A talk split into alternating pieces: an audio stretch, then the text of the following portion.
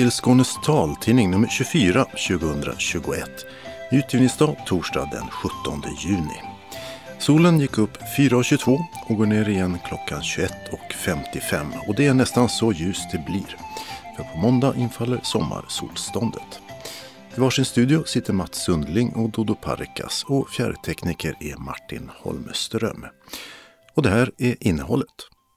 En färre coronasmittade den senaste veckan och nu kan 35-åringarna boka vaccineringstid. Vellinge Taxi häver färdtjänstavtalet med Vellinge. Kommunen ville halvera betalningen. Hur kan funktionshinderorganisationer få större inflytande i viktiga frågor som ledsagning och hjälpmedelsavgifter? Ja, i Lund där startade de ett nyhetsbrev riktat till politiker och tjänstemän. Synskadade svenskan Louise Jannering VM-4 och femma i tandemcykling. Babyfilt, amerikabrev och kopparkanna väckte 90-åriga mammans minnen och när dottern Eva Klang tolkade minnena i text blev det vinst i kulturutmaningen Skissa loss. Nu kan man chatta med kundtjänsten på Skånetrafikens serviceresor. 18 golfbanor på 18 dagar, det är skånske Torbjörn Svenssons nya utmaning för att uppmärksamma dövblindas situation. Sommaren är här och fåglarna sjunger. Men vilken Pippi är det som låter? Och hur ser den ut? Vi hängde med ut till en park en morgon för en fågelskådning med öronen. Talbokstipsen kommer från Helsingborgs stadsbibliotek och bjuder på förlupna föräldrar, filmstjärnors hemliga liv och filgod med svärta. Inställt, hopslaget och flyttat. Här är de större ändringarna i busstrafiken i sommar. Öppnat och stängt med börjare och bibliotek. Så har vi en annons från Teater 23 om en syntolkad familjeföreställning evenemangstips så med ljudkulle och improvisationsteater. Och kalendern med midsommarvecka och pyramidrivning. Anslagstavlan är idag gemensam för hela Skåne med bara lokala meddelanden och ändringar i kollektivtrafiken. Och allra sist redaktionsrutan. Vi börjar med coronaläget som när vi gick in i studion i tisdags såg ut så här. Smittspridningen är fortfarande på väg ner, fast i något lägre takt än tidigare. I måndags var det i snitt 86 nya skånska fall om dagen de senaste sju dagarna. Och det är 30 mindre än veckan innan. Både sommar och fler vaccinerade lär bidra till det. Och antalet inlagda på sjukhus med covid är nere på 34. Tre färre än en vecka tidigare och väsentligt färre än för bara ett par veckor sedan. Vaccineringarna fortsätter med gott om vaccin och mycket mer på väg. I tisdags kunde de som fyllt 35 år börja boka tid för en dos och även den här veckan finns det tusentals lediga tider för den som vill ha en. Som tidigare förväntas man kunna boka digitalt via 1177.se som har länkar till 49 privata vaccinatörer runt om i Skåne. När man bokar eller får sitt stick får man också en tid för nästa dos, sex veckor efter den första. Och ett antal studier, liksom Smittskydd Skåne och andra instanser, vill understryka vikten av att ta bägge två. Den andra dosen har nämligen visat sig ge bättre skydd mot nya varianter av corona som den indiska delta-varianten, som bara en dos inte riktigt räcker till för. Även om man skulle ha semester vill landets regioner att dos 2 tas på samma ställe som den första. För den som inte har e-legitimation eller kan ta sig till någon av de privata vaccinatörerna finns det möjlighet att bli vaccinerad på en vanlig vårdcentral. För den som har allergier mot vacciner eller en allergi som krävt akutvård finns nu särskilda vaccinatörer. 523 000 skåningar har nu fått sin första dos och drygt 270 000 är färdigvaccinerade. I början av juli ska preliminärt de som fyllt 30 år kunna börja boka vaccinering och i slutet av juli de som fyllt 18 år. Och det återstår förstås att se hur många som verkligen vaccinerar sig till sist. Yngre har ju visat en mindre vilja till det. Samtidigt är det mest bland yngre coronaviruset sprids just nu.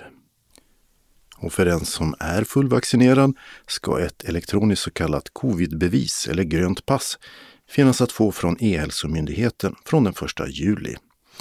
Och för det kommer att inledningsvis krävas e-legitimation, men senare ska det gå att få även utan en sån.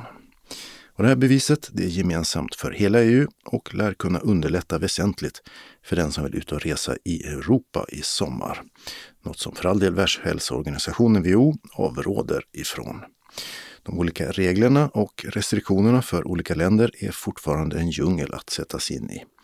På UDs webbplats swedenabroad.se finns mer information om det. Vellinge Taxi häver avtalet om att köra färdtjänst i Vellinge kommun från den sista augusti. Kommunen ville halvera ersättningen och det gick inte taxibolaget med på. Efter månader av juridiska strider har bolaget sagt upp avtalet som skulle sträckt sig till 2023 och kommunen måste nu hitta någon annan som kan ta på sig uppdraget. Vellinge Taxi har fått en fast ersättning på knappt 10 miljoner beräknat på en viss körsträcka. Men under 2020 har de bara kört färdtjänst halva den sträckan eftersom pandemin har fått folk att resa mindre. Och då ville kommunen halvera ersättningen åtminstone ett år framåt. Något som Vellinge Taxi hävdar inte är kommersiellt genomförbart. Vellinge kommun har nu börjat en ny upphandling av färdtjänst, skolskjuts och beställningscentral. Och i den är kravet på halverad ersättning inte med, skriver Sydsvenskan. Inget hindrar Vellinge Taxi från att delta i den nya upphandlingen. Till tidningen säger kommunens tekniska chef Ulf Andersson att det blir snabba ryck och att de kommer att klara att ordna en fungerande färdtjänst till den 31 augusti. I Lund vill funktionshinderorganisationerna få mer inflytande och har därför startat ett nyhetsbrev, Funktionshinderaktuellt, som hittills kommit ut med två nummer. Nyhetsbrevet mejlas i första hand ut till politiker, men framöver vill man också nå anställda som arbetar med de aktuella frågorna. Lars Eisner, som är en av två representanter för SRF Lundabygden i kommunala funktionshinderrådet KFR, är redaktör för bladet. Alltså, vi har diskuterat hur vi skulle utveckla vårt arbete. För att, eh, det vi upplevde i rådet var ju ofta att eh, det var information ifrån kommunen och eh, vårt intressepolitiska arbete hamnade så att säga lite grann i skuggan av all information och det var det som gjorde att vi diskuterade hur ska vi komma vidare. Och det var då vi skapade det här Funktionshinder Aktuellt.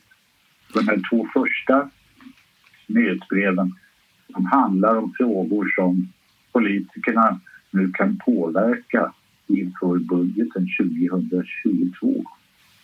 Det handlar till exempel om behovet av en syn och hörselinstruktör och skolans besparingar som ett hot mot barn och unga med funktionsnedsättning och att kommunen börjat ta betalt för hjälpmedel bland annat. Och med Funktionshinder Aktuellt vill man ytterligare förstärka det som diskuterats i rådet och påverka politikerna i olika frågor som är av stor vikt för de 26 olika funktionshinderorganisationer som finns representerade i kommunala funktionshinderrådet i Lund. Det är lite grann det också vi upplever, att eh, vi pratar intressepolitik på rådet när vi är inte så övertygade om att politikerna tar med sig det de då får sig till livs tillbaka till respektive män. Och eh, därför så vill vi då förtydliga våra intressen inom olika områden. Vilka frågor är det som ni har tagit upp då när det gäller inför budgeten 2022? I första nyhetsbrevet så hade vi frågor kring eh, syn och hörselinstruktör som vi vill ha den tjänsten tillbaka. Vi upplever inte att det funkar som det, det jobbas med det nu i kommunerna. Vi tog också upp eh, ledsagarservice, alltså den som inte har LSS utan får ledsagning via socialtjänstlagen får ju betala för det. Det är ganska dyrt. Vi vet att personer med funktionsnedsättning har en mycket lägre disponibel inkomst än andra har. Och därför så har man ibland inte ens råd att välja ledsagning. Och eh, det blir då mer eller mindre husarrest. Det, det får den konsekvensen helt enkelt. Och eh, i det här senaste nyhetsbrevet nu som kom i maj så tog vi bland annat upp abonnemangskostnaden för hjälpmedel som infördes i kommunen 2020, 1 januari. Där man alltså får betala 60 kronor per månad för det hjälpmedel som man har fått av kommunen. Och det menar vi just mot bakgrund av att vi normalt sett har lägre inkomst än andra. Att det är en, en prioritering som man borde ta bort ifrån kommunens sida. Man ska inte betala för sina hjälpmedel. Har du märkt att eh, man har läst det ni skriver eller har du fått någon reaktion på det, de nyhetsbrev som ni har gett ut hittills? Ja, vi har fått eh, hejarop från flera politiker, både i kommunstyrelsen och från politiker som, som är ledamöter i kommunala funktionshinderrådet. Så att man läser uppenbarligen det här nyhetsbrevet. Men ni har inte fått något konkret bevis på att man också påverkar i den riktningen? Nej, inte ännu eftersom budget för 2022 den är inte färdig ännu. Så att eh, beslutet som normalt sett tas i juni kommer nog att tas i september. Och eh, frågor framåt som ni kan ta upp i det här eh, nyhetsbladet, vad kan det vara? En fråga som vi kommer att ta, som redan är bestämd, det är alltså hälsan bland personer med, med eh, kognitiva funktionsnedsättningar, alltså utvecklingsstörning. Eh, de som bor på LSS-boende eller sådana saker. Så att där vet vi att det är brister i, i hälsosituationen och det kommer vi att ta upp. Det berör ju inte direkt budgeten för 22 men det är ju en långsiktig diskussion vi måste föra. Är det ett eh, intressant arbete att göra, att vara redaktör för det här? Ja, det är arbete i alla fall. Nej, men, alltså jag brinner ju för vårt påverkansarbete och har gjort det ända sedan jag började i SRF 1977. Att jag har ju hållit på ett tag. Jag har jobbat både som chef på distriktet Stockholms och Gotlands län och jag har jobbat på Riksförbundet som intressepolitisk sekreterare. Så att, eh, jag har jobbat med intressepolitik i alla år som jag har varit aktiv i organisationen. Och därför så tycker jag ju då att det här är också jättespännande när vi nu kan enas om att faktiskt utveckla vårt arbete när det gäller KFR och KS och så vidare. Det sa Lars Eisner som sitter med i kommunala funktionshinderrådet i Lund och är redaktör för Funktionshinder Aktuellt. Reporter var Åsa Kjellman Erisi. Världsmästerskapen i paracykling kördes i Portugal till i helgen och synskadade tandemcyklisten Louise Jannering körde i torsdags in på en femte plats i tempoloppet.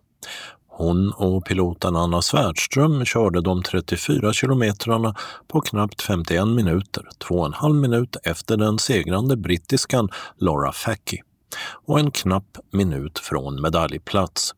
Och i lördagens 10 mil långa linjelopp kom de på fjärde plats efter en klungspurt, bara fyra sekunder efter medaljtrion. Louise Enring är 23 år och bor i Uppsala. Duon har tävlat internationellt sedan 2016 och har i alla fall än så länge ingen plats i truppen som ska till Paralympics i Tokyo i augusti. Förhandsnominerade dit är Henrik Marvig och Anna Bäck som vunnit flera världsmästerskap och i Portugal knep dubbla guldmedaljer i sin klass. Inom ramarna för kulturprojektet Skapa loss var det förra veckan dags för en hörlursvernissage. Där presenterades vinnarna i Skissa loss, en tävling där synskadade inbjudits att skriva en text utifrån inre bilder. Och de vinnande bidragen tolkades sedan av ljudkonstnärer. I Helsingborg bor etnologen Eva Klang och hennes text Stilleben med tio ting var en av de tre som föll tävlingsjuryn i smaken. Här berättar Eva hur verket kom till. Det började ju med att jag pratade med min mamma som snart fyller 90. Vi kom in på frågor om, om livet och meningen med livet och alla möjliga sådana här stora frågor som plötsligt kan drabba en. Och, och eh, hon var eh, lite fundersam och jag tänkte som dotter att hmm, jag prövar en idé. Alltså, skulle du vilja berätta för mig om de tio viktigaste sakerna som du har i ditt hem? Uh, och hon, vi känner ju varandra så väl så att hon förstod vad jag menar. Och när jag sen ringde tillbaka så hade hon de tio sakerna helt klara för sig. Det var inga problem för henne att välja dem som man kan säga är nycklar till hennes liv. Och utifrån de tio tingen började vi sen prata, eller framförallt började hon berätta och jag ställde mer frågor om hur då, när då, var då och, och på vilket sätt eh, kändes det så där. Så att det blir mer än att den här saken eh, ser ut så här och är värd så mycket så, så öppnade sig eh, hemligheter i de här sakerna som jag inte alls kände till. Amerikabrev 1945 det kom flygpost från morbror Anders i Minnesota, USA. Breven innehöll alltid en dollar. Min mamma hade vinkat av sin bror 1912 när han var 18 år och skulle emigrera. Han seglade bort med Svenska Amerikalinjen från Göteborg. Det sammanföll i tid, så när jag läste tävlingsinstruktionen eller inbjudan till den här Skissa loss så kände jag ju att det här var klockrent. För de efterlyste ju då ett fintolkat verk eh, som handlar om frihet. Det, det, är hennes frihet att berätta sin historia som jag då såg som min ingång i den här tävlingen. Och vad är friheten för dig själv i uh, det här? Det känns som en väldigt stor gåva att ta över de här minnesnycklarna av tio ting. Att det inte blir eh, för sent att samtala om viktiga saker. Barnfilt 1958. Jag köpte denna mjuka filt till min son. Den är vit med ljusblå ränder. Den blev hans käraste sak. Hans små fingrar sökte sig runt kanterna och så gjorde han en topp som han strök under näsan och somnade gott. Det kändes som en frihet att, att komma nära att våga även beröra smärtpunkterna. För de finns i de här tingen. Mm, det gör det ju verkligen. Det ja. är en eh, bror som går bort vad jag förstår. Ja, hon har valt saker som då för vändpunkter i hennes liv. Det handlar ju om eh, ett viktigt föremål från barndomen, den allra tidigaste barndomen när hon blev bortlämnad som fosterbarn. Och sen förlovning och vigselringar. Det handlar om en babyfilt, eh, en förlossning och det handlar om det här barnets sjukdom och död. Kopparkanna 1964. Den lyser upp mitt kök ännu. Denna kopparkanna som jag köpte för min första lön. Den tronade i mitt första egna kök en dag tog min då femårige son tag i den och kastade ut den genom fönstret på tredje våningen. Han hade ont, var arg på att vara sjuk. Svårt sjuk i leukemin. Den gick inte att bota. Vi miste honom. Och sen då till slut någonting som också handlar om hur hon förlorar sin man, min, min far. Kuddar 2000. Det gavs möjlighet att cykla över bron, så min man och jag tog bilen med cyklarna ner till brofästet i Malmö. Vi fick färgglada frottéhanddukar med texten ”Fest på Öresund”. Dessa har jag sytt dessa kuddar av. I tunneln vid Kastrup letade min man desperat efter en toalett. Ja, det var då det började. Tre år till skulle vi få tillsammans. Cancern, men det var en lycklig dag jag tror att man får perspektiv i hennes ålder, att, det, att, att hon har använt de här tingen för att, att få tag i de här eh, sakerna som har varit väldigt, väldigt avgörande. Du är etnolog och har arbetat i museisammanhang och är det den delen av dig som har så att säga satt ihop det här eller finns det en konstnärlig aspekt i hur du arbetar med de texter du har gjort? Grunden är ju det här etnologiska perspektivet som jag har jobbat med i 30 år. Men det här är ju ett tillfälle att eh, bearbeta jag har lyssnat på Mors berättelse. Sen har jag ju då knådat berättelsen till korta, korta rader som har blivit som eh, mitt sätt att uppfatta det hon har sagt. Det skulle kunna tolkas som små diktstrofer, de här texterna. Jag hoppas att, att Mors röst hörs igenom. Och sen blev det, för det var ju det som var vinsten i tävlingen, att eh, mm. en ljudkonstnär satte ljud till det. Och jag hade tänkt mig att jaha, då kanske det blir tolkningar av de här olika föremålen, men riktigt mm. så blev det inte. Nej, vad jag tänker mig det som att Mor berättar för mig, jag lyssnar, jag gör små texter och sen hör Hanna Hartman, kompositören, utifrån sitt konstnärliga uttryck.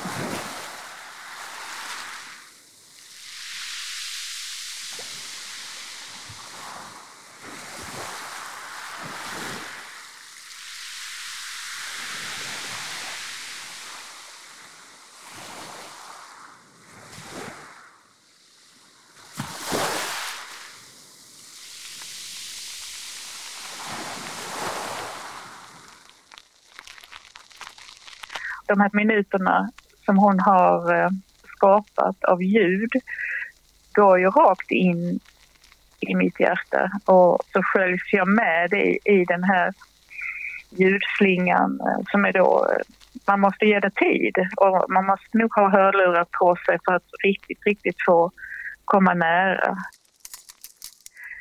Men jag hör ju eh, vågskvaltet från den här kustremsan där, där hela den här historien utspelar sig från Öresundsbron i söder upp till Göteborg faktiskt där Amerikabåten lägger ut. Och däremellan ligger Helsingborg och Halmstad.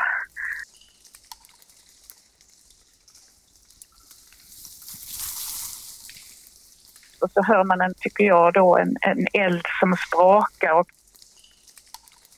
jag tänker mig nästan som en ursprunglig familj i en grotta någonstans i tidernas begynnelse.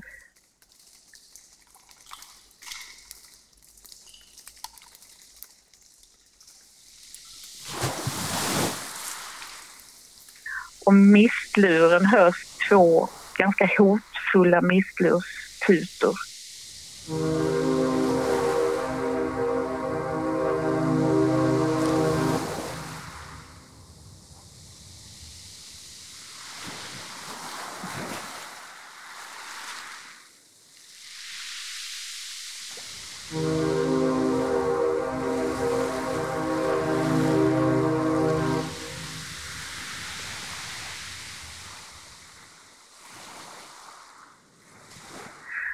Det ljudet är så starkt för mig därför att det hörde jag som barn i Helsingborg där båtarna går tätt, tätt, tätt.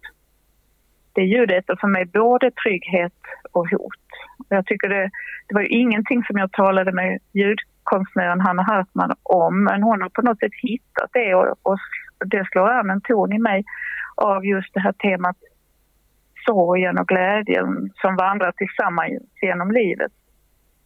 Det är ju också så att det här är ett SRF-sammanhang och de andra vinnarna pratar om synskadades personer med synnedsättningssituation mm. i samhället. Men mm. du har en synskada, du gör inte det. Det gör jag inte. I detta sammanhanget handlar det inte om den orsaken. Utan jag, när jag pratar med dig så sitter jag och blundar och ser bilder väldigt mycket inom mig. Och, och det var ju själva poängen med det här verket, att man börjar med det inre ögat. För mig handlar detta om att kanske även fullt seende människor ska kunna ta chansen att lära sig se lite bättre med det inre ögat. Och genom det så kan, man ju, kan jag ju då vandra i, i mors liv fram och tillbaka i tid och rum. Det är ju det som är så fantastiskt med konsten, att det går att se så långt. Det finns inga begränsningar. Avslutade Eva Klang, en av vinnarna i tävlingen Skissa loss, som ingår i SRFs kulturprojekt Skapa loss. Evas bidrag heter alltså Stilleben med tio ting medan ljudverket kallas Stilla liv. De andra vinnarna var Fågeln av Cecilia Artemisia Ramstedt, utsatt av Tommy Wahlström, samt Egen väg av Astrid Skott med uttolkning av Erik Peters. Och reporter var Dodo Parikas. Kundtjänsten på Skånetrafikens serviceresor, alltså färdtjänsten och sjukresorna, går nu också att tala med via en chatt, det vill säga skriva och få svar via en webbsida. Där ska man snabbt kunna få allmänna råd och svar på frågor som hur man ansöker om färdtjänst och var man hittar information om ledsagare. Däremot säger de sig inte kunna svara på frågor som avser personuppgifter, vilket beror på dataskyddslagen GDPR. Länken att eh, klicka på för att komma till chatten finns bland Skånetrafikens övriga kontaktuppgifter på deras hemsida. Den hittas kanske enklast genom att googla Skånetrafiken serviceresor och kundtjänst. Service stavas S-E -E. Chattens öppettider är vardagar 8.30 till 16.30, det vill säga lite generösare än för den som ringer kundtjänsten på telefon 0771 77 44 33. Bokning av resor och anmälan av senbil sker som tidigare via andra nummer eller e-postadresser. Han har paddlat över Öresund och cyklat genom Sverige från norr till söder. Dövblinde nordvästskåningen Torbjörn Svensson tar till tuffa utmaningar för att få uppmärksamhet för att den som varken ser eller hör kan göra nästan vad som helst, bara de får rätt stöd från omgivningen. Till exempel i form av ledsagning. Sen SRF Skåne förra sommaren startade ett golfprojekt har Torbjörn Svensson tränat golf och nyligen även tagit ett grönt kort, golfens körkort. Och nu planerar han för att ta sig an sin tredje utmaning, eller Deaf Blind Challenge. Nämligen att på 18 dagar spelas igenom 18 golfbanor i Sverige. Vi var med när Torbjörn Svensson berättade om sitt nya projekt för golfande SRF-are på golfbanan i Mölle. Så nästa år planerar jag att göra ett Deaf Blind Challenge med just golf där jag spelar 18 banor på 18 dagar. Uppmärksamma... jag är ju lite så att jag tycker om att det ska ta i rejält för att annars så blir det inte så uppmärksammat. Men vi kommer att titta på det, vi kommer att heja på det. Så det är liksom en mixen där. Så kärnfrågan är fortfarande kvar att jag slåss för mina rättigheter och, och andra personer som befinner sig i samma sitt. Men jag vill göra det med någonting väldigt, väldigt positivt, någonting väldigt roligt, någonting utmanande. Så det är en mix av alla dessa härliga grejer. Och nu håller jag på med arbetet då liksom att eh, få fatt i sponsorer och få fatt i, i eh, människor som kan vara intressanta att spela med längs med vägen. Så även på folk till att vilja försöka eh, utvecklas och även personer då med funktionsvariationer faktiskt försöker då testa gränserna och man tar bort både fördomar och, och, och skapar möjligheter. Det sa Torbjörn Svensson som nästa sommar alltså planerar att ta sig an sin tredje utmaning i Deaf Blind Challenge. I bakgrunden hördes också SRF Skånes ordförande Maria Torstensson och reporter var Dodo Parikas. Det har blivit både vår och sommar och fåglarna sjunger. Men vad är det för en fågel som sjunger i snåren och i trädet där? Ja, det är ju inte lätt att se för den som inte ser. Så några medlemmar i SRF Malmö nappade på ornitologen Erik Hirschfeldts förslag om en fågelskådning i en park en söndagsmorgon. Där blev det tydligt att det går utmärkt både att skåda fåglar i en stad och med öronen. Upplägget är här nu att vi ska lyssna. Jag har en kikare på mig men jag kommer inte använda den speciellt mycket. Och när jag är ute och fågelskådar i vanliga sammanhang då lyssnar jag alltid mer än jag använder kikaren. Jag upptäcker kanske 60-70 procent av fåglarna på hörseln. Det kan vara ett kort läte, ett kort pip, det kan vara en sång som det är nu. Så att eh, det här med att höra fåglar är helt normalt. Det gör alla fågelskådare och man använder det i sin fågelskådning väldigt mycket. Och nu har vi någonting som sjunger här. Vi ska se. Det, det här skallrande, det är ju ingen sång. Jag ska spela upp det i min högtalare också så vet ni vilket läte det är som, eh, som jag menar. Sitter förmodligen i den buskhäcken där. Det, hör ni den? Ja. Om ni, om ni ska beskriva det. Det viktiga när man lär sig fågelläten det är att man beskriver själv hur de låter. Vad säger du om det lätet? Ja, det är... Ja, det, Ja. det hållet. Ja, Lite hackat. Ja. lite hackat. Ja. För det är jättebra att tänka så när man hör en fågel. Hur är sången uppbyggd? Nu spelar den eh, från eh, min app här. Ja, det, det, Ja. det, Men ni hör före det här. Ja. Den, har ett litet kvitter före. Det Ja. hör inte vi på det här hållet. Nej. För att nu dämpar vinden också. Det här är en ärtsångare. Alltså. Det är en liten grå sångare. Den är ja, som en tesked i längd kanske.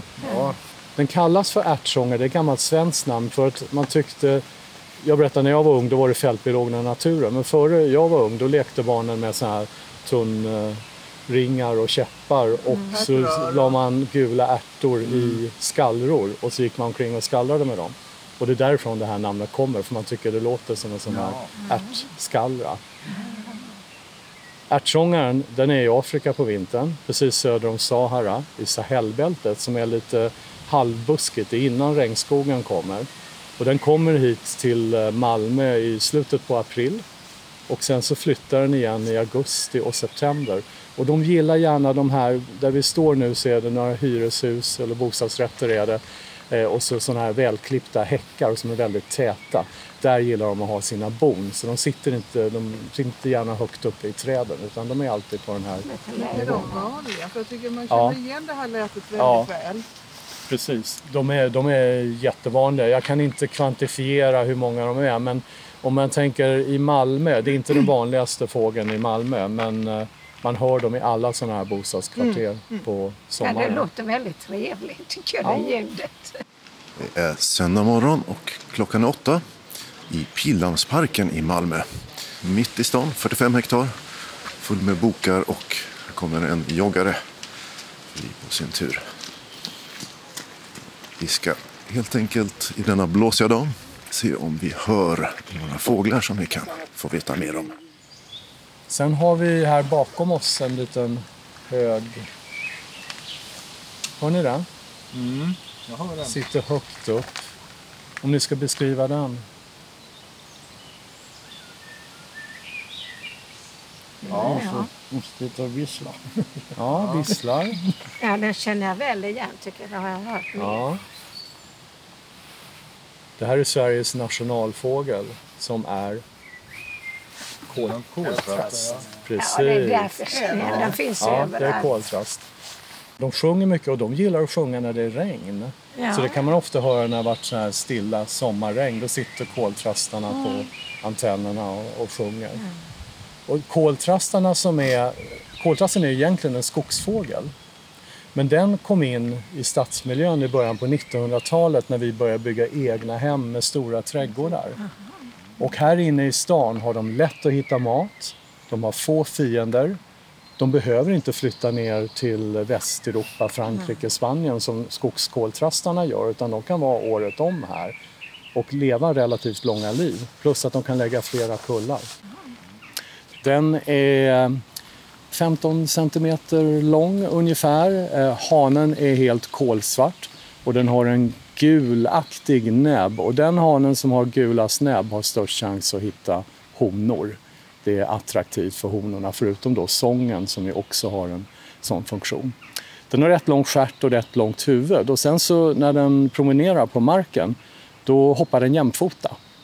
Eh, En del fåglar de promenerar med ena foten framför men trastarna de hoppar jämfota. Eh, Ärlorna promenerar. Ja. Ja, titta noga på det. Det gör de Och så faktiskt. vippar de på ändan. Och så vippar de på ändan, precis. Eh, koltrasthonan är betydligt oansenligare. De flesta fågelarter eh, har honorna lite mer dämpade färger och den har ingen gul näbb. Den kan vara lite ljusgul men inte den här kraftiga gulorangea färgen som hanarna har. Och så är den mattbrun snarare än kolsvart. Så eh, det kan man väl säga om den. Sjunger både hanen och honan eller bara hanarna Nej. gör sig? Eh, De flesta fåglar sjunger bara hanarna och sångens funktion är dels att locka till sig en hona eller att visa att här sitter jag, kom inte hit och försök att ta min hona eller mitt revir om den då väntar på en hona. Men det finns några arter som rödhake, järnsparv och gärdsmyg som alla är små fåglar. Där sjunger honorna också. Och det är för att eh, på vintern så rödhakehonan den håller revir också för att de har vinterrevir och då släpper de inte in någon annan oavsett kön. Så där måste honan också sjunga för att markera det här reviret. Medan koltrastar som vi pratade om innan, de har inte de här reviren utan de är lite eh, varsom och kan vara tillsammans också. Men rödhaken är väldigt revirhävdande. Och då får honan sjunga där också. Hör ni det som är här bakom? Ska säga, säg till. Där hörde vi lite, ett litet kvitter. Jag hade hört Ja. någon väldigt avlägset. Ja, det var lite närmare innan. Jag, jag spelar upp den i högtalaren nu. Ja.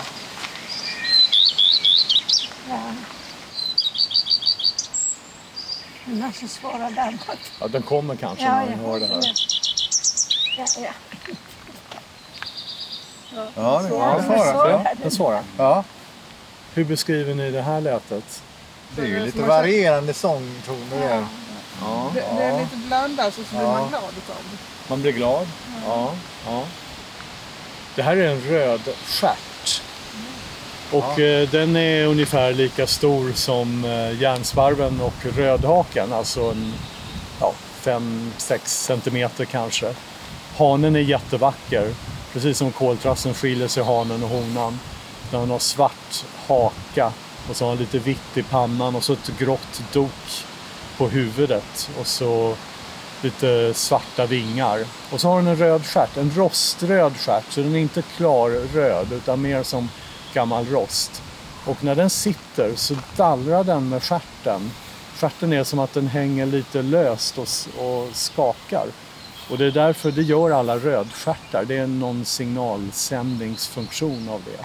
Och då heter den i, i folkmun rödstjärt för den eh, gillar också att vara nära människor i trädgårdar också. Nu är den jättenära. Vi lyssnar en strof till. Man trodde att den hade hittat en kompis här. Ja. Eller så är den arg. Ja. Den hittar en fiende. Ja. Vilket humör är den här fågeln på? Den, är, den är på parningshumör, det är den hela tiden nu. Och så lite hunger. Lite hungrig är den säkert också. Men det är det enda som gäller nu. Och sen glömmer den parningshumöret om några månader och då ska den bara ta sig till Afrika. Den här övervintrar på samma ställe som ärtsångaren, precis söder om, om Sahara i det här halvtorra Sahelbältet. Och rödstjärten kommer hit i början på april till Malmö, till Skåne.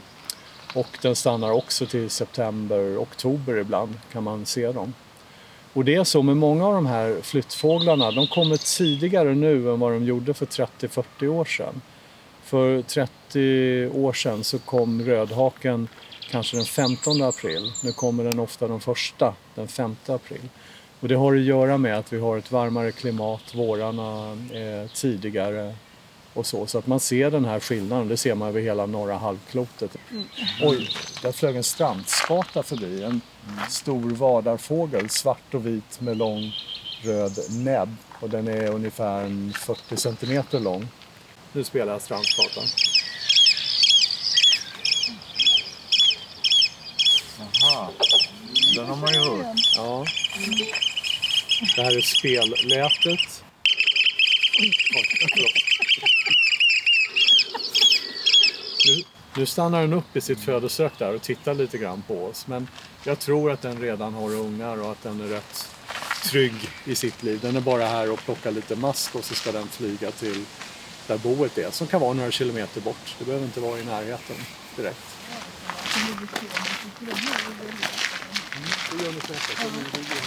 Kristin Berglund, Ja, varför är du här idag?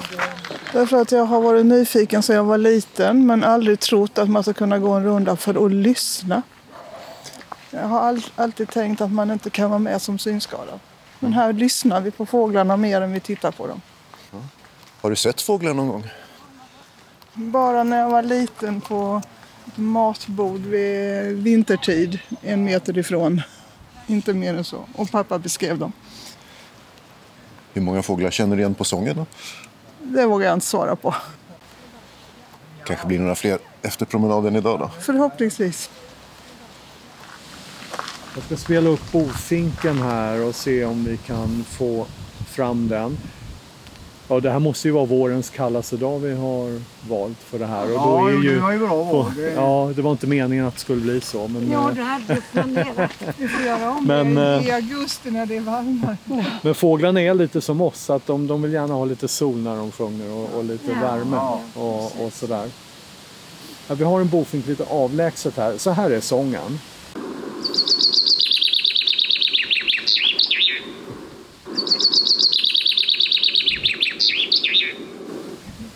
Hur beskriver ni den? Han svarar, ja. Det låter nästan som en liten eh, bäck eller å eller något som forsar lite grann sådär smått. Ja, det är en bra liknelse. Absolut. Det viktiga med de här associationerna är att man har sina egna associationer. Ja, lite forsande. Bofinken, den är ju lika stor som järnsparven rödhaken ungefär som vi pratat om innan, alltså en 5-6 centimeter. Hanen är vacker, eh, röd under till, den har ett grått huvud.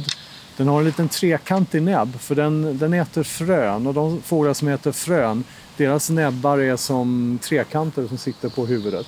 Medan de fåglar som äter insekter de har eh, smala pincettliknande näbbar så att, för de ska liksom snappa insekterna. Bofinken behöver krossa frön och komma åt kärnorna i, i fröna.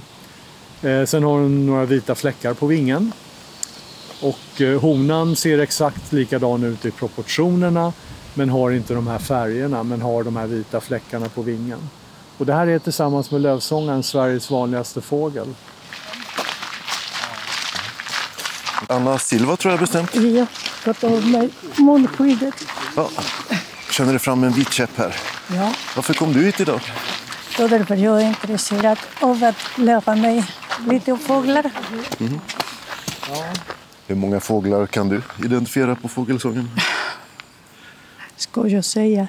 Så jag tror att den enda som jag känner igen är fiskmås och duvor. Ja, fiskmåsar kan man i Malmö. Ja, särskilt när man bor på Limhamn. Ja. Det är väldigt många. Ja, ska vi haka på och gå över vägen här?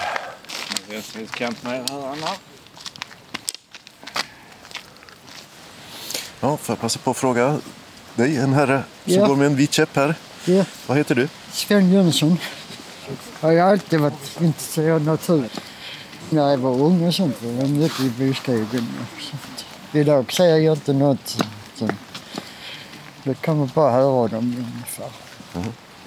Men har inte möjlighet att komma ut nu. Om man ska någonstans så ska man ha färdtjänst och allt sånt där. Så det, man kom, där blir just mer isolerad nu. Så. Ja, det är lite snubbelrisk i skogar och, Ja, och så. det är det ju. Så. Och så bor jag, jag bor här precis sidan om oss. Så, så är det fint där så brukar jag ta en tur där runt. Ja, så fågelsången här, den är du bekant med då? Ja, den har jag hört för. Hur många fågelsångsläten känner du igen? Det är väl koltrasten och duvorna och fiskmåsarna ungefär. så, det, så det är inte så många man känner igen precis. Man hör dem men man vet inte vad det är för någonting. Har du lärt dig någon idag? Ja, bofink och sånt där. Det tror jag inte låter så.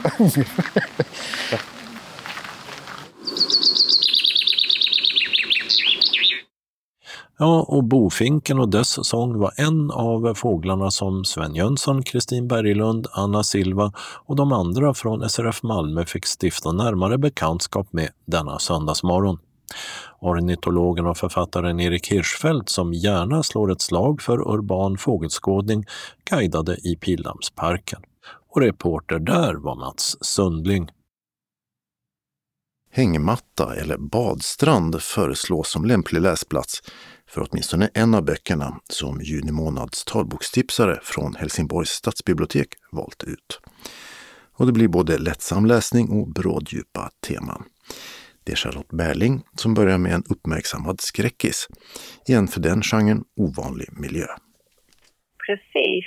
Konferensen av Mats Strandberg den är under produktion och kommer att finnas som talbok med text och som punktskrift.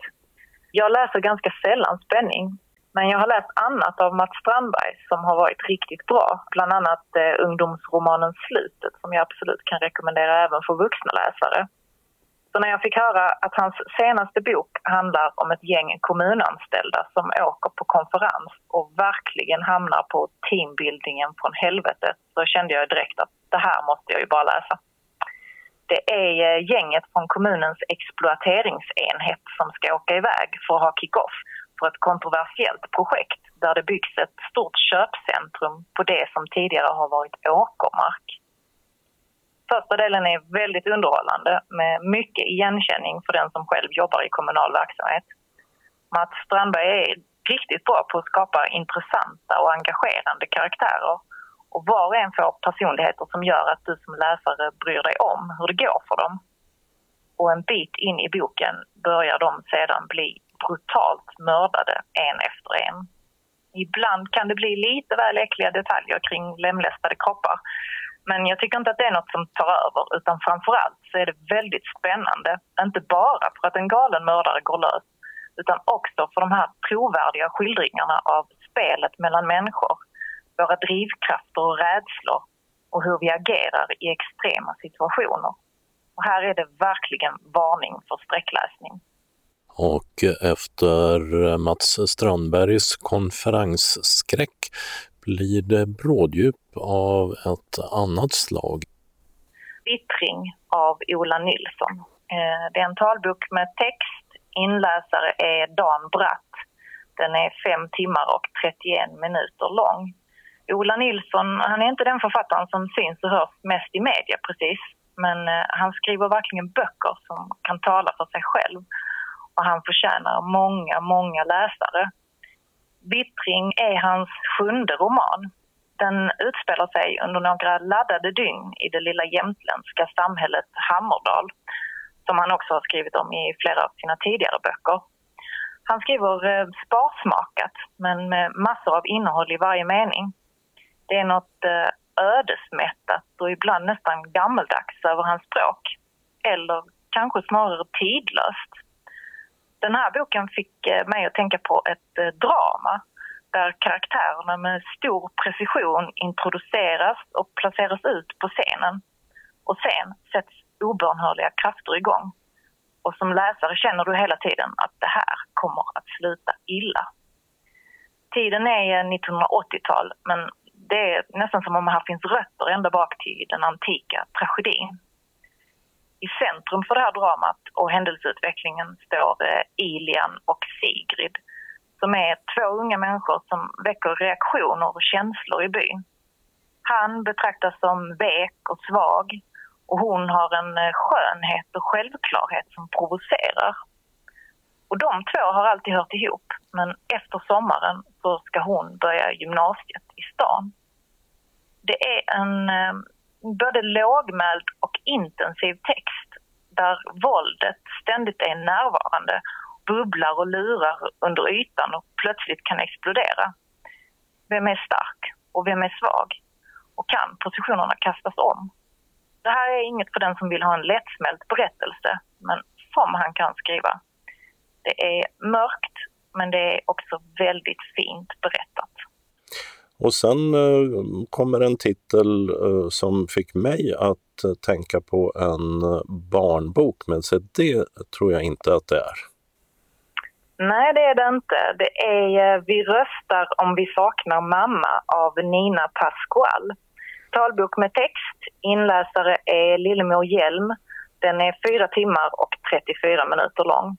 Det här är en stilsäker debutroman om en familj på semester på en charterö. Mamman och tre systrar, minstingen Isabella, tonåringen Sabina och eh, 12-åriga mellansystern Cornelia. Men det som skulle bli en härlig semester med tjejerna, det utvecklas snart till något annat. För här har vi en eh, oberäknelig mamma som inte alltid riktigt orkar vara mamma. Så efter bara några dagar på ön så är hon plötsligt borta. Och en lapp på köksbordet och lite pengar, det är det enda som är kvar. Systrarna får klara sig själva. Först är det kul. Det blir chips och läsk till middag i sängen. Och de röstar om de saknar mamma. Och det blir nej. När lilla syster har somnat så drar Sabina och Cornelia ut till torget och barerna. Vi upplever allt som händer genom Cornelia och berättelsen har en egen ton som jag verkligen gillar. Cornelia hon är mellanbarnet i syskonskaran och hon är också i den där speciella åldern mellan barn och ungdom. Syskonrelationen mellan de här två äldsta systrarna skildras väldigt träffsäkert. Hur Cornelia ser upp till sin coola och snygga äldre syster och törstar efter att få vara med henne. Och ibland får hon det, men eh, Sabina är lika oberäknelig som mamman och kan lika hastigt stöta bort henne igen. Och sen försvinner även Sabina. Kvar är Cornelia med en liten syster och ett alldeles för stort ansvar. Och här tar Charlotte Berlings kollega Anneli Alexandersson på Helsingborgs stadsbibliotek över. Då inleder jag med Majgull Axelsson och hennes inställd resa till Sabarmati. Talbok med text och eh, inläsare är Marika Bergström, deltid på 13 timmar. Boken handlar om eh, Mira som adopterats från Indien av Henrik och hans hustru Magdalena. Orten som Mira då kommer till det är Nässjö och i denna stad bor även Lycke som är kusin till Magdalena. Mira, som Henrik för övrigt döper om till Fatima, hon växer upp i ett otryggt hem präglat av en otillräcklig mor och en skrupellös far som dessutom har en accelererande alkoholproblematik. När det blir för besvärligt hemma så blir det Lycke som får ta hand om Mira och det blir också Lycke som representerar en slags trygghet i tillvaron för henne och det är den enda hon har. Mira blir också utsatt för mobbing med rasistiska förtecken i skolan. Och precis efter studenten bara lämnar hon Nässjö. Ingen vet var hon har tagit vägen, inte ens Dicke. Den här romanen den är full av tidlösa teman. Makt, främlingsfientlighet, religion. Och det här är en fascinerande bok som väcker många tankar. Framförallt för att Majgull är en sån fenomenal berättare och för att boken behandlar högaktuella ämnen. Dock kan man kanske tycka att vissa av karaktärerna är lite för endimensionellt skildrade. Men det hindrar inte en från att längta efter en fortsättning på den här berättelsen. Och eh, sen fortsätter du med vad som i alla fall av titeln att döma verkar vara en rätt eh, tuff historia det med, stämmer det? Ja, då är det löparklubben för cancersystrar av eh, Josie Lloyd. Och det här är en talbok med text, 13 timmar och 11 minuter. Den här boken den handlar om en kvinna mitt i livet som drabbas av bröstcancer. Och hon blir naturligtvis helt förtvivlad. För första gången i sitt liv så måste hon konfronteras med tanken på döden. Men på det stora hela så tar hon ändå beskedet med fattning. Värre är det med omgivningen. Vissa vågar knappt få se ordet i sin mun och andra tränger sig oombedda på med en kletig medkänsla som hon inte riktigt vet vad hon ska göra av. Dessutom håller hon på att bli utmanövrerad på jobbet där hon är chef. Så vad gör hon i denna djupa kris? Jo, hon börjar jogga. Men inte ensam, utan tillsammans med andra kvinnor i samma situation. Och det här är en varm, humoristisk och djupt mänsklig roman om hur vänskap kan hjälpa oss att överkomma hinder i livet. Författaren till boken, Josie Lloyd, hon fick själv cancer. Och trots att boken är fiktiv så märker läsaren att hon har en stor kunskap. Både om själva sjukdomen men även om hur man som drabbad kan reagera. Och eh, förlaget de kallar den här genren för feel good med svärta. Och det kan jag hålla med om. Man skrattar faktiskt väldigt mycket när man läser den här boken trots att den handlar om ett så tungt ämne. Och eh, därifrån går du över till vad som möjligen är en eh, feelgood, eller är jag ute och cyklar? Nej, det är det inte. Det är väl vad man kallar för underhållning. Men eh, det finns ett visst djup i den också faktiskt. Jag tycker att det här är lite glamorös och avkopplande sommarläsning. Perfekt för stranden eller hängmattan. Författare är Taylor Jenkins Reid.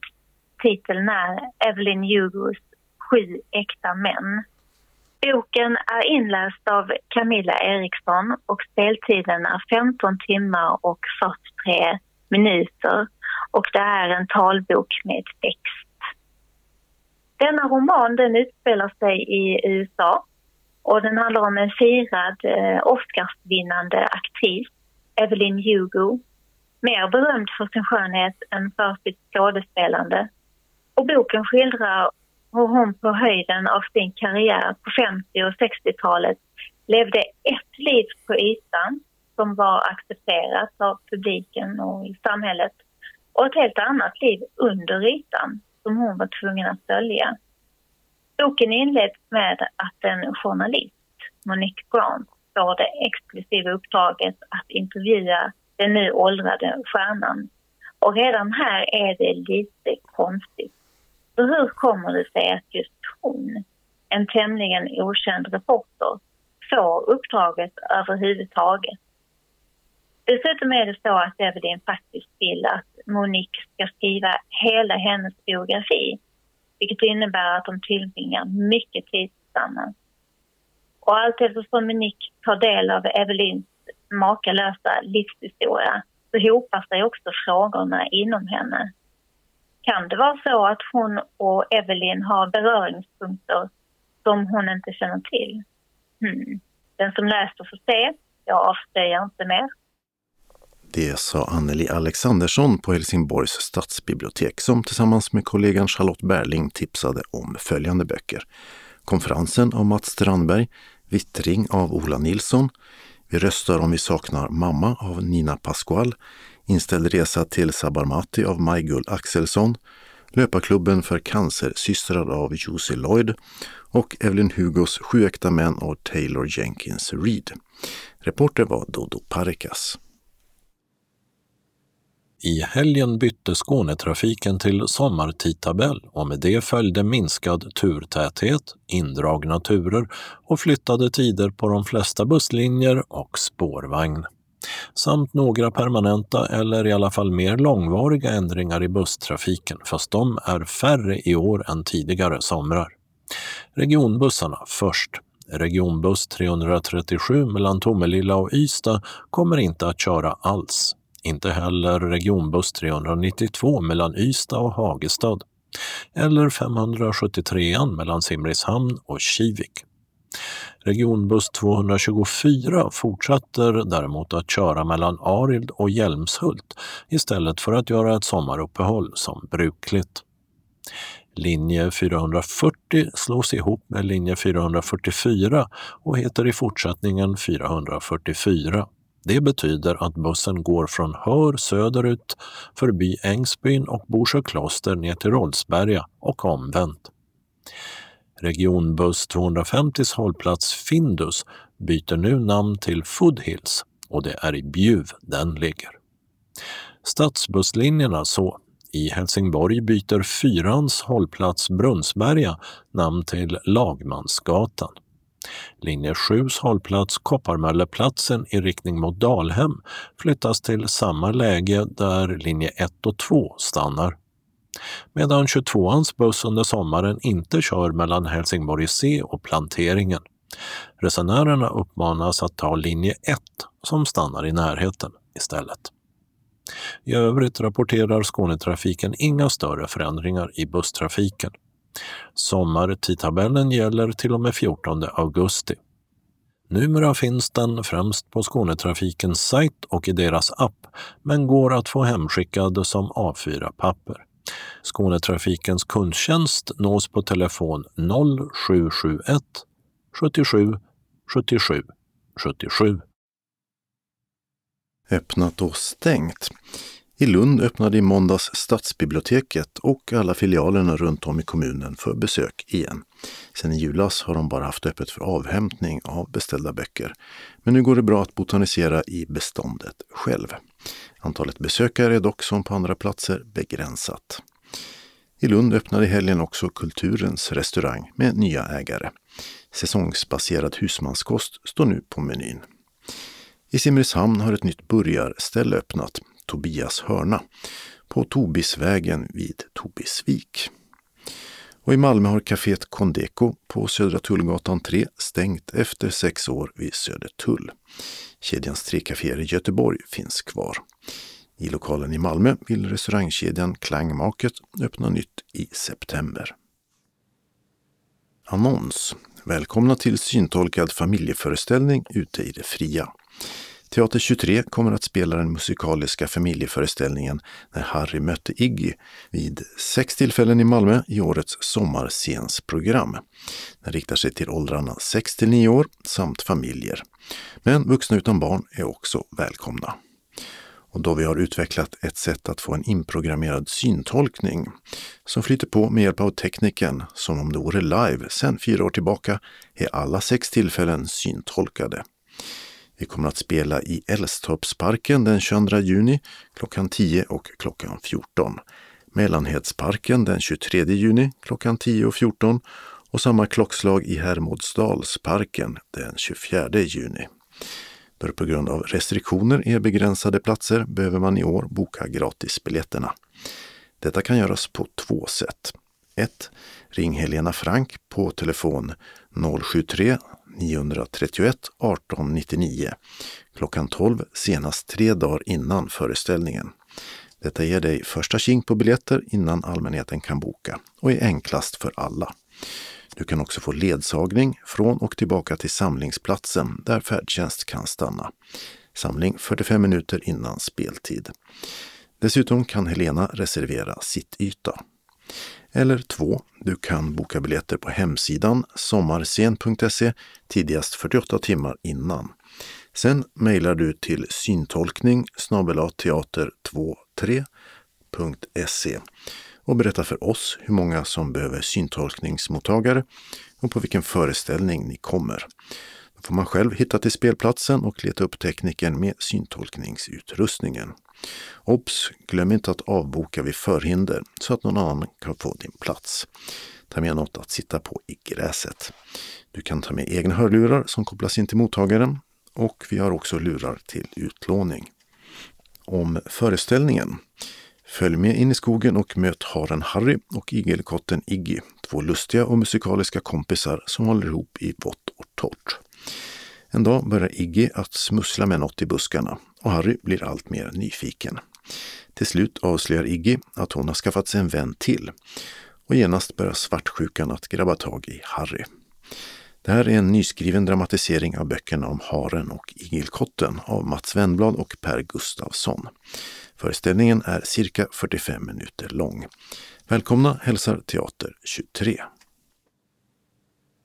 Evenemangstips efter ändrade pandemiregler så släpps 50 personer in på till exempel Kristianstads teater där improvisationsföreställningen Världen är en scen, det bästa av och med 123 Stunk spelas nu på söndag den 19 juni. Det blir två föreställningar 14.00 och 17.00. Biljetterna kostar mellan 100 och 250 kronor beroende på placering i salongen. Bokning telefon 044 12 58 20. Ja, evenemangen Skåne runt börjar ju dra igång men någon karneval blir det ändå inte i Landskrona denna sommar.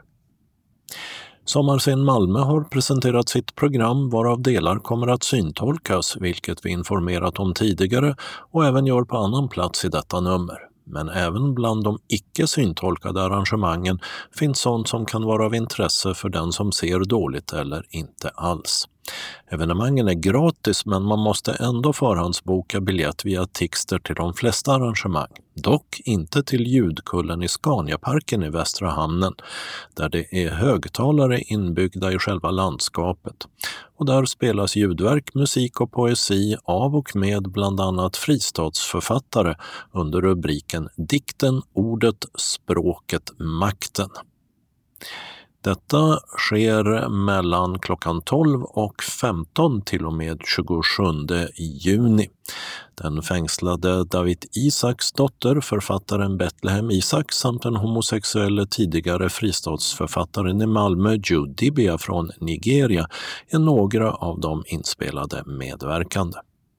Och 15 till 18 till och med samma datum, alltså 27 juni, hörs den belarusiska ackordeonisten Jegor Sebalov spela.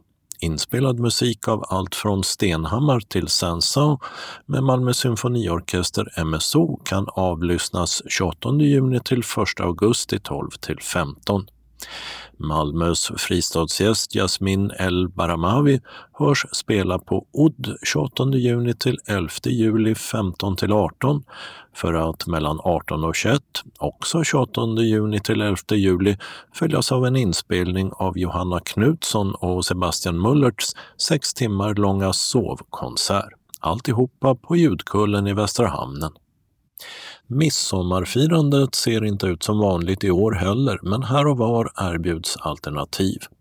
På Hovdala slott i Hässleholms kommun reses en midsommarstång på Yttre Borggården och man är välkommen att fika och grilla i parken på midsommarafton.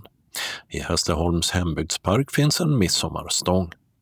På Fredriksdal i Helsingborg blir det inga midsommararrangemang men friluftsmuseum och park håller öppet. På Lunds stadsparks lekplats finns midsommarkranstillverkning för barn 24 juni 10-17 och Kulturen har midsommaröppet 10-17 men inga arrangemang. I Malmö blir det inget officiellt firande. Biljettinformation Tixter telefon 0771 47 70 70 Skillinge teater 0761 64 08 64. Kalendern för årets 25 vecka börjar måndagen den 21 juni och då är det Alf och Alvar som har namnsdag och vi kliver in i årets midsommarvecka. Det är sommarsolstånd här på norra halvklotet vilket ju innebär årets kortaste natt och längsta dag. I förra veckan firade Island nationaldag på dagen för självständigheten från Danmark och nu är det dags för Grönlands nationaldag som kanske borde heta autonomidag eftersom denna strategiskt viktiga ö är självstyrande under Danmark. Det här är också världshumanistdagen, vilket inte ska utläsas som en dag för humaniora på universiteten utan för minskande av religionens plats i samhället. En av rörelsens förgrundsfigurer i Sverige är musikern Björn Ulvaeus. Tisdagen den 22 juni är Paulinas och Paulas namnsdag. Lettlands president Egils Levits besöker Sverige och han tas emot av kungen. På dagen för 80 år sedan angrep Nazityskland och dess allierade Sovjetunionen i den enorma militära operation som gick under kodnamnet Operation Barbarossa. Styrkorna misslyckades med att nedkämpa Röda armén och vägen stakades ut mot det kommande tyska nederlaget i andra världskriget. Onsdagen den 23 juni är det namnsdag för Alice och Adolf. Och i Norge och Danmark där firas midsommarafton eller sankthansafton. Och även här hemma har det varit så, till och med 1953. Sverige möter Polen i herrarnas pågående fotbolls-EM. Matchen spelas i Sankt Petersburg i Ryssland. Och för 30 år sedan förklarade sig Sovjetrepubliken Moldavien självständigt. Torsdagen den 24 juni bär namnet Johannes döparens dag eftersom den bibliska gestalten anses ha fötts just detta datum. Det danska och norska Sankt Hans syftar på samme Johannes. Och så har på dagen 100 år passerat sedan FNs föregångare Nationernas förbund beslutade att den svenskspråkiga ögruppen Åland skulle tillhöra Finland och inte Sverige. 80 år fyller denna dag operasångerskan Sylvia Lindenstrand. Fredagen den 25 juni firar David samt Salomon namnsdag och det är dags för svensk midsommarafton. För 30 år sedan pågick Jugoslaviens sammanbrott och Kroatien samt Slovenien förklarade sig självständiga detta datum. Tio dagars krigshandlingar drabbade Slovenien medan Kroatiens krig för självständighet pågick ända till 1995. På 80-talet var den dåvarande SAS-chefen Jan Carlssons namn på allas läppar. Hans fortfarande uppmärksammade bok Riv pyramiderna, en bok om den nya människan, chefen och ledaren, handlar om decentraliserat ledarskap och den finns i punktskrift och som talbok.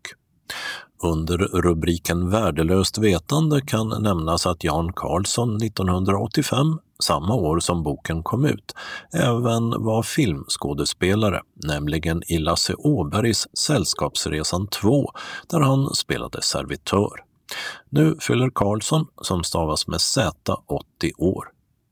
Och 75 år blir den tidigare centerledaren Lennart Daléus som senare blev generalsekreterare och VD för miljöaktivistorganisationen Greenpeace i Norden. Lördagen den 26 juni infaller midsommardagen i Sverige och det är röd dag i almanackan. I fotbolls-EM så spelas den första åttondelsfinalen. Och namnsdagsbarnen eh, denna dag är Lea och Rakel. Söndagen den 27 juni är det Fingal och Selma som har namnsdag och 2021 års 25 vecka har inget annat val än att ta slut. Anslagstavlan innehåller idag endast lokala inbjudningar och några tillfälliga ändringar i busstrafiken. Först hälsar SRF Malmö att det doftar örtagård. Fredag den 2 juli träffas vi på Tirups örtagård klockan 12 där vi äter en trevlig lunch. Sen spenderar vi eftermiddagen i örtagården så länge vi själva vill. Vi kan vandra runt och njuta av kryddväxterna och kanske handla något trevligt med oss hem. Var och en bokar sin egen färdtjänst till Tirups örtagård, adress Tirupsvägen 99 i Staffanstorp. Vi har bokat bord till klockan 12 för bordsservering. Hemresan bestämmer du själv tiden till. SRF Malmö Svedala bjuder sina medlemmar på lunch och kaffe. Reskostnaden betalar du själv.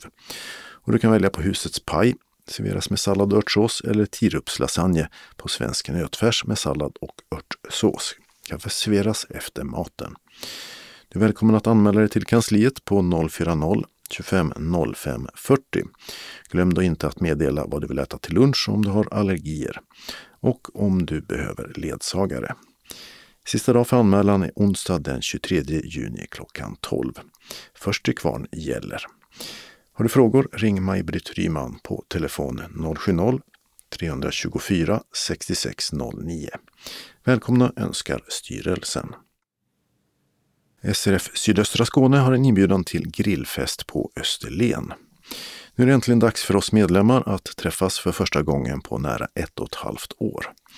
Den 3 juli klockan 13 sätter vi fyr på grillen och grillar hamburgare och korv tillsammans och njuter av att vara tillsammans igen. Du får även kaffe och en kaka. Vill du ha något starkare än alkoholfritt till maten så ta gärna med dig det själv. Det blir inte bara grillat utan vi får ett intressant föredrag av Lena Alebo som berättar om ortsnamn. För att fira in sommaren och att vi kan träffas igen så bjuder vi på hela kalaset. Vi kommer även att berätta hur resten av året är planerat enligt vår verksamhetsplan och du får information om vad som händer inom distriktet. Vi träffas hemma hos Gunvor och Claes Persson på adressen Stenhällsvägen 25 i Simrishamn. Gunvor och Claes har en stor loge så vi kan hålla avstånd. Hemresan kan du boka till klockan 16.30. Medlemmar får sina reskostnader ersatta efter att vi senast tre månader efteråt fått kvitton eller kopia på färdtjänstfaktura. Din anmälan vill vi ha senast söndag den 27 juni. Till Marion och Jan Magnom. Telefon 0736 50 38 18. Eller till Vicky Svedrell 0708 37 53 58. Din anmälan är bindande. Varmt välkomna till grillfesten hälsar styrelsen för sydöstra Skåne. SRF Västra Skåne bjuder in till sommarfest på innergården. Tisdag den 22 juni klockan 14 till 16 vid föreningens lokal på Vaktvägen 1 i Helsingborg. Samling vid entrédörren för kort promenad till innergårdens grillplats. Deltagaravgiften är 50 kronor och sista anmälningsdag fredag den 18 juni klockan 12 till kansliet.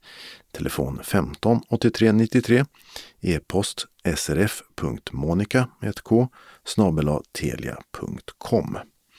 Menyn består av bullar, mjukkaka, småkaka och hallonmosstårta eller annan tårta. Glatt välkomna! Och vi avslutar med några tillfälliga ändringar i busstrafiken. I Helsingborg stängde i måndags hållplatsen Fjärrbussterminalen för Skåneexpressen nummer 10 eftersom Terminalgatan ska underhållas. Resenärerna hänvisas till en tillfällig hållplats på Trädgårdsgatan, cirka 150 meter åt nordost på andra sidan Järnvägsgatan. Så ska det vara ända till den 31 december. I Lund stängde man i måndags hållplatsen Mobilia för stadsbuss nummer 4. Läge A mot Norra Fäladen ersätts av hållplatsen Värmeverket, läge A, som ligger 370 meter bakåt på Boställsvägen. Medan läge B mot Gunnesbo ersätts av en tillfällig stolpe cirka 80 meter bakåt, den bussens färdriktning. Den 26 juni klockan 16 ska de stanna på sina vanliga platser igen. I Malmö stängde samtidigt en bit av Käglingenvägen av och stadsbuss 1 får ta en annan väg till den 21 juni klockan 15. Till dess är hållplatsen Elisedals industriområde A stängd. Och närmsta alternativ är hållplatsen Elisedal A, 500 meter norrut på Jägersrovägen. I Tormestorp i Hässleholms kommun har hållplatserna Nilla Pilbladsväg och Fläckebäcksvägen stängt i bägge riktningar för ombyggnad. De ersätts av hållplatsen Sandbacksvägen, cirka 320 meter söderut respektive 270 meter norrut på Norra Byvägen. Den 24 juni klockan 16 öppnar de vanliga hållplatserna igen. På fredag den 18 börjar man bygga om hållplatsen Vällingängar A och regionbussarna mot norr påverkas av det till midnatt den 23 juni. Linje 146 mot Trelleborg och 300 mot Falsterbo stannar istället på hållplatsen Västerbrogatan A som ligger cirka 600 meter åt sydost på Norrevångsgatan. Den som åker linje 100 mot Falsterbo rekommenderas istället att ta någon av bussarna 146, 150 och 151 som stannar på samma hållplats. Och i Hässleholm slutligen har ett arbete på Helsingborgsvägen blivit klart två månader tidigare än beräknat. Och regionbuss 511 hållplats Grönängsplan B har öppnat som vanligt igen. Och det glädjebeskedet, det var det sista i veckans Skånes taltidning. Nästa vecka är det midsommar och det betyder att vi gör tidningen en dag tidigare än normalt, redan på måndagen för att tidningen ska komma ut en dag tidigare än normalt till er också och förhoppningsvis om Postnord så vill innan midsommar. Vi hörs då! Skånes taltidning ges ut av Region Skånes psykiatri och habiliteringsförvaltning. Ansvarig utgivare är Martin Holmström. Postadress Jörgen Ankersgatan 12, 211 45 Malmö. Telefon 040-673 0970.